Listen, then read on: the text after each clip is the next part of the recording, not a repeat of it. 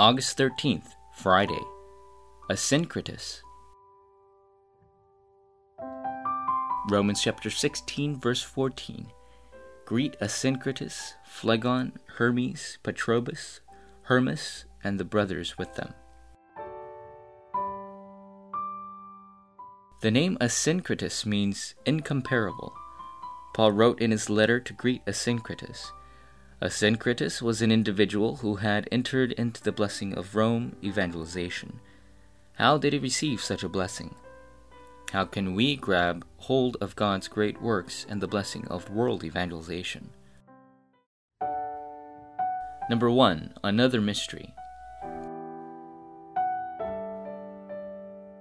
When you go out into society tomorrow, you have to live like everyone else. But you must possess another mystery.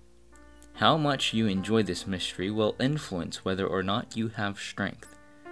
The people who were victorious in their walks of faith all possessed this other mystery.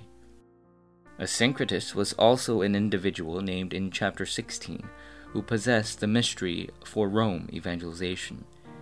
If you have the assurance that you are a child of God, even if you do not pray, answers will come.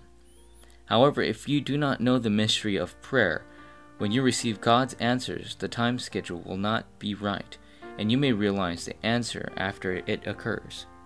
If you enjoy the mystery of prayer, three things will happen. Number two, answers you receive when you possess the mystery of prayer. First, you will see God's great answer because all people are sinful and cannot understand God's glory. God gave us the gospel and the spirit of sonship. No one can separate us from the love of God. This blessing was prepared ages ago. This is God's grace.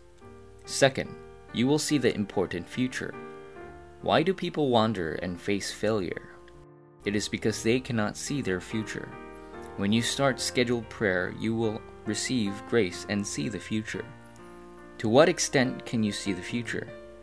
I must visit Rome also, Acts chapter 19 verse 21. You must also testify in Rome, Acts chapter 23 verse 11.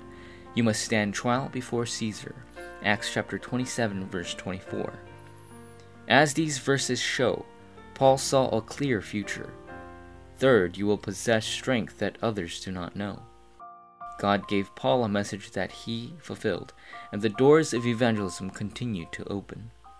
If you receive the blessing that is Asyncritus along with the others received in chapter 16, God will give you the strength to be a host and provider for all of the evangelists.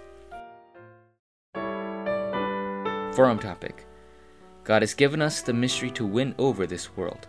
God used Asyncritus and other individuals in chapter 16 greatly for Rome evangelization because they enjoyed this mystery. If this is the case, where can I start?